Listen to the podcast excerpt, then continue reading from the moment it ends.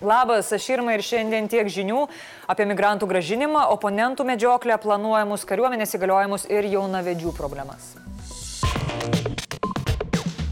Hybridiniai karai. Penktasis sagos epizodas Lietuva kontratakuoja. Vidaus reikalų viceministras Arnoldas Abramavičius patvirtino, kad Švenčionių, Šalčininkų, Ignalinos rajonuose apgręžtos ir į Baltarusiją gražintos kelios dešimtys neteisėtai sieną kirtusių migrantų.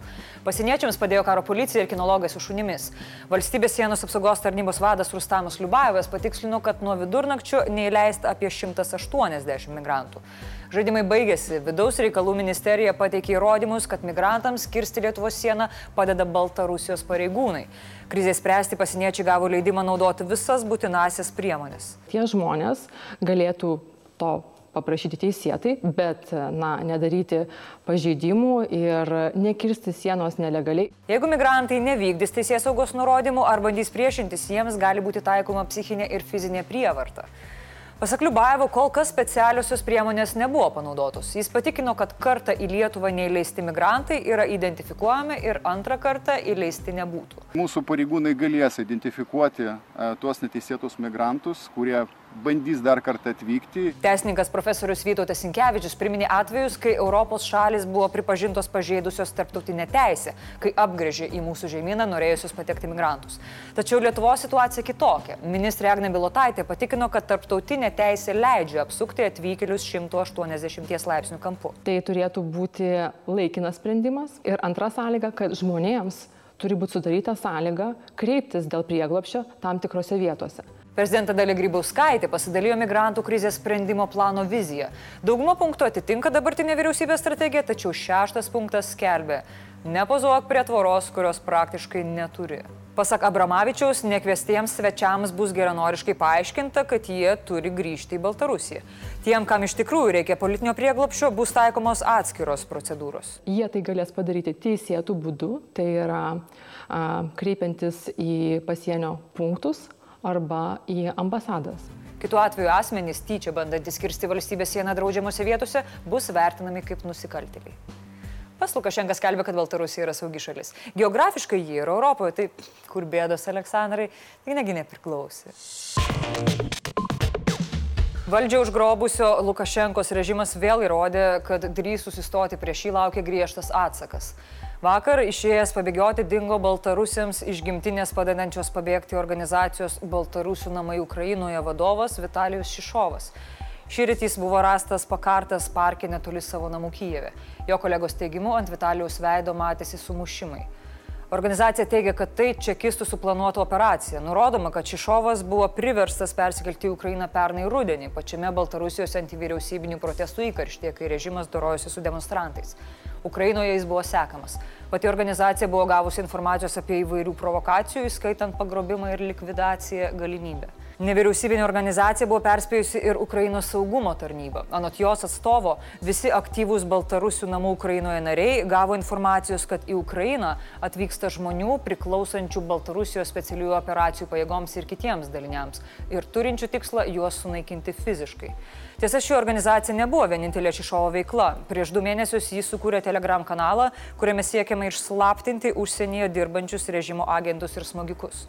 Ukrainos policija pradėjo tyrimą dėl nužudimo. Bus tyriamos ir kitos versijos, įskaitant ir žmogžudystės užmaskuotos kaip savižudybė. Iš įvykio vietos paimta Šišovo mobilusis telefonas ir asmeniniai daiktai. Bus apklausimi liudininkai, analizuojami kamerų įrašai. Junktinės tautos paragino Ukrainos pareigūnus atlikti nuodugnų, nešališką ir veiksmingą tyrimą. Aktyvisto draugai sakė, kad neseniai jį sekė nepažįstami žmonės. Dar keista, kad vakar Vitalijus kelis kartus kamino draugams, tačiau atsiliepus buvo numetamas ragelis. Tai labai kraupus įvykis. Ir jis ne vienintelis. Beveik lygiai prieš metus, rūpiučio 12-ąją, dingęs Nikita Kvircovas po dešimties dienų buvo rastas miške netoli savo namų. Su juo buvo susidorota taip pat. Belsa.eu duomenimis 28 metų vaikino telefono paskutinis išsiųstas signalas buvo fiksuotas šalia milicijos stoties. Migrantų krizai valdyti į pagalbą kviesim kariuomenę. Prezidentas Gitanas Nausėda siūlo Seimui priimti įstatymų pataisas ir suteikti papildomus įgaliojimus neteisėtą migraciją pradedantiems stabdyti kariams. Tikiuosi, kad jau kitą savaitę Seimas neįlinės sesijos metu patvirtins šitos įstatymus, priims juos Ir aš ketinu, susipažinęs su jų turiniu, nedelsdamas juos pasirašyti. Susitikęs su krašto apsaugos ministru Arvido Anušausku ir kariuomenės vadu Valdemaru Rupšiu, Nausėda įsitikino, kad tokios priemonės yra reikalingos. Anušauskas patikino, kad naujausiai įstatymo pakeitimas sutampa su įgaliojimais, kurie kariams suteikiami ir nepaprastosios padėties metu. Įgytų teisę duoti privalomus nurodymus fiziniams asmenims, e, persekioti ir sulaikyti asmenys, kurie nevykdytų jų nurodymų, tikrinti asmenų dokumentus, padaryti jų e, asmens apžiūrą, daiktų patikrinimą, Kariai būtų dislokuojami ekstremalios situacijos židinyje, o įgaliojimai galiotų 3 mėnesius su galimybė juos pratesti. Naujos pataisos leis kariams naudoti specialias priemonės, bet nešaunamą į ginklą. Jeigu kartais prasidėtų ginkluotos provokacijos, pradėtų galioti visai kitas režimas. Kariuomenė, pabrėžiu, pasiruošusi bet kokiai įvykių raidai. Lietuvos kariai jau kurį laiką padeda pasieniečiams. Esant reikalui, jų kiekis didės. Pasak prezidento, pagrindinis mūsų prioritetas yra siena. ES ieškos tikrai visų galimybių ir lankščiai reaguos į susiklošiusią unikalią situaciją, tam, kad savo finansiniais resursais ir ištekliais prisidėtų prie šio pakankamai brangaus projekto. Nausėda palaiko vidaus reikalų ministerijos sprendimus dėl neteisėtų migrantų gražinimo atgal į Baltarusiją. Nejaugi prezidentas ir vyriausybė sugebės susitarti, nusveikinam žengus pirmą žingsnį gerovės valstybės link, bravo! Vos Vilniaus meras apsimainė žiedai su savo išrinktąją, iškart pasipylė įtarimai. Seimo opozicinės socialdemokratų partijos dėmesį patraukė tai, kad Remigijos Šimašiaus žmonos architektės Gilmos Teodoros Gilytės įmonė yra laimėjusi ne vieną pelningą savivaldybės konkursą. Socialdemokratė ketina išplėsti jau anksčiau jų inicijuotą tyrimą dėl galimo nepotizmo ir korupcijos Vilniaus savivaldybėje, kuri jų vertinimų genda nuo galvos. LSDP Vilniaus skyriaus pirmininkas Paulas Pinelis teigia, kad dabar iškilo ir meilės faktoriaus klausimas. Jam susirūpinime kelia kai kurių sostinės nekilnojamojo turto vystytojų pareiškimai ir Vilniaus architektų teiginiai, kad nekilnojamojo turto vystytojai bendradarbiaujantys su gilytės įmonė Do Architects savo projektus savivaldybėje suderinę gerokai lengviau negu kiti. Pinelio teigimu, jeigu teiginiai pasitvirtintų, būtų galima kalbėti apie gan akivaizdžią korupcinę schemą, kurioje už palankius sprendimus yra atsiskaitoma su tarpininkų pagalba. Jo manimų savivaldybė pramušė dugną. Seimo audito komiteto pirmininko pavaduotojos socialdemokratės Rasos Budbergytės dėmesį patraukė įmonėjai sumokėta 768 350 eurų suma už gimnazijos architektūrinės idėjos projektinį pasiūlymą. Jos teigimu, jeigu šie pinigai sumokėti tik už idėją, verta imtis už galvos. Architektės Gilmos Teodoros Gilytės įmonė yra laimėjusi penkis savivaldybės skelbtus konkursus. 2019 vasarį išeities duomenų analizės ir schemos aukštamiešio vystimo strategijos rengimo konkursą, rugsėjai architektūros konkursą projektuoti Tolminkėmio gimnaziją Pilaitėje, pernai pavasarį savivaldybė kreipėsi į Do Architects ir įmonė balandį parengė laikinųjų ligoninių įrengimo projektą. Ta pati mėnesį bendrovė įsipareigojo suprojektuoti polisio įrenginius Naugarduko gatvėje. Naujausią sutartį pasirašė vasarį. Įmonė įsipareigojo atlikti Vilniaus gatvių medžiagiškumo ir mažosios architektūros detalizacijų parengimo paslaugas. Šimašiaus patarėjas Karolis Vaitkevičius tvirtina, kad viešųjų ir privačių interesų konfliktas negali kilti, nes meras santykių su architekte deklaravo vyriausiai tarnybinės etikos komisijai. Tačiau jis tai padarė tik toktuvių dieną.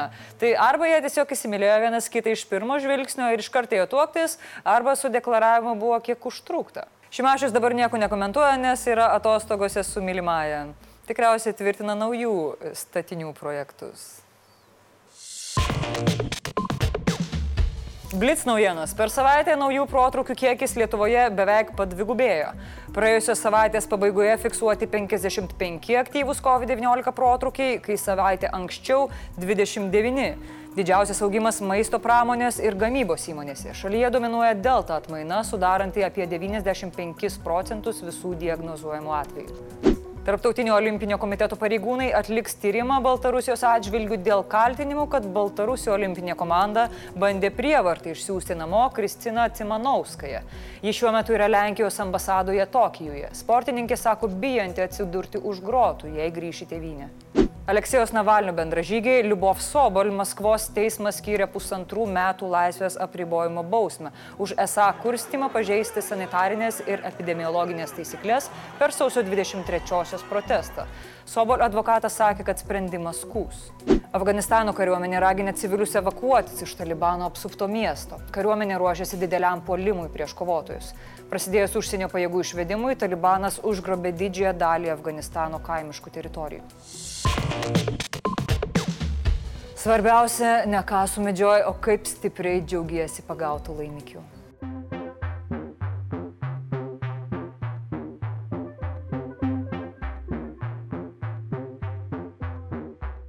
Tai rytoj Dominikas, ačiū, kad žiūrėjote, aš sakau tiek žinių.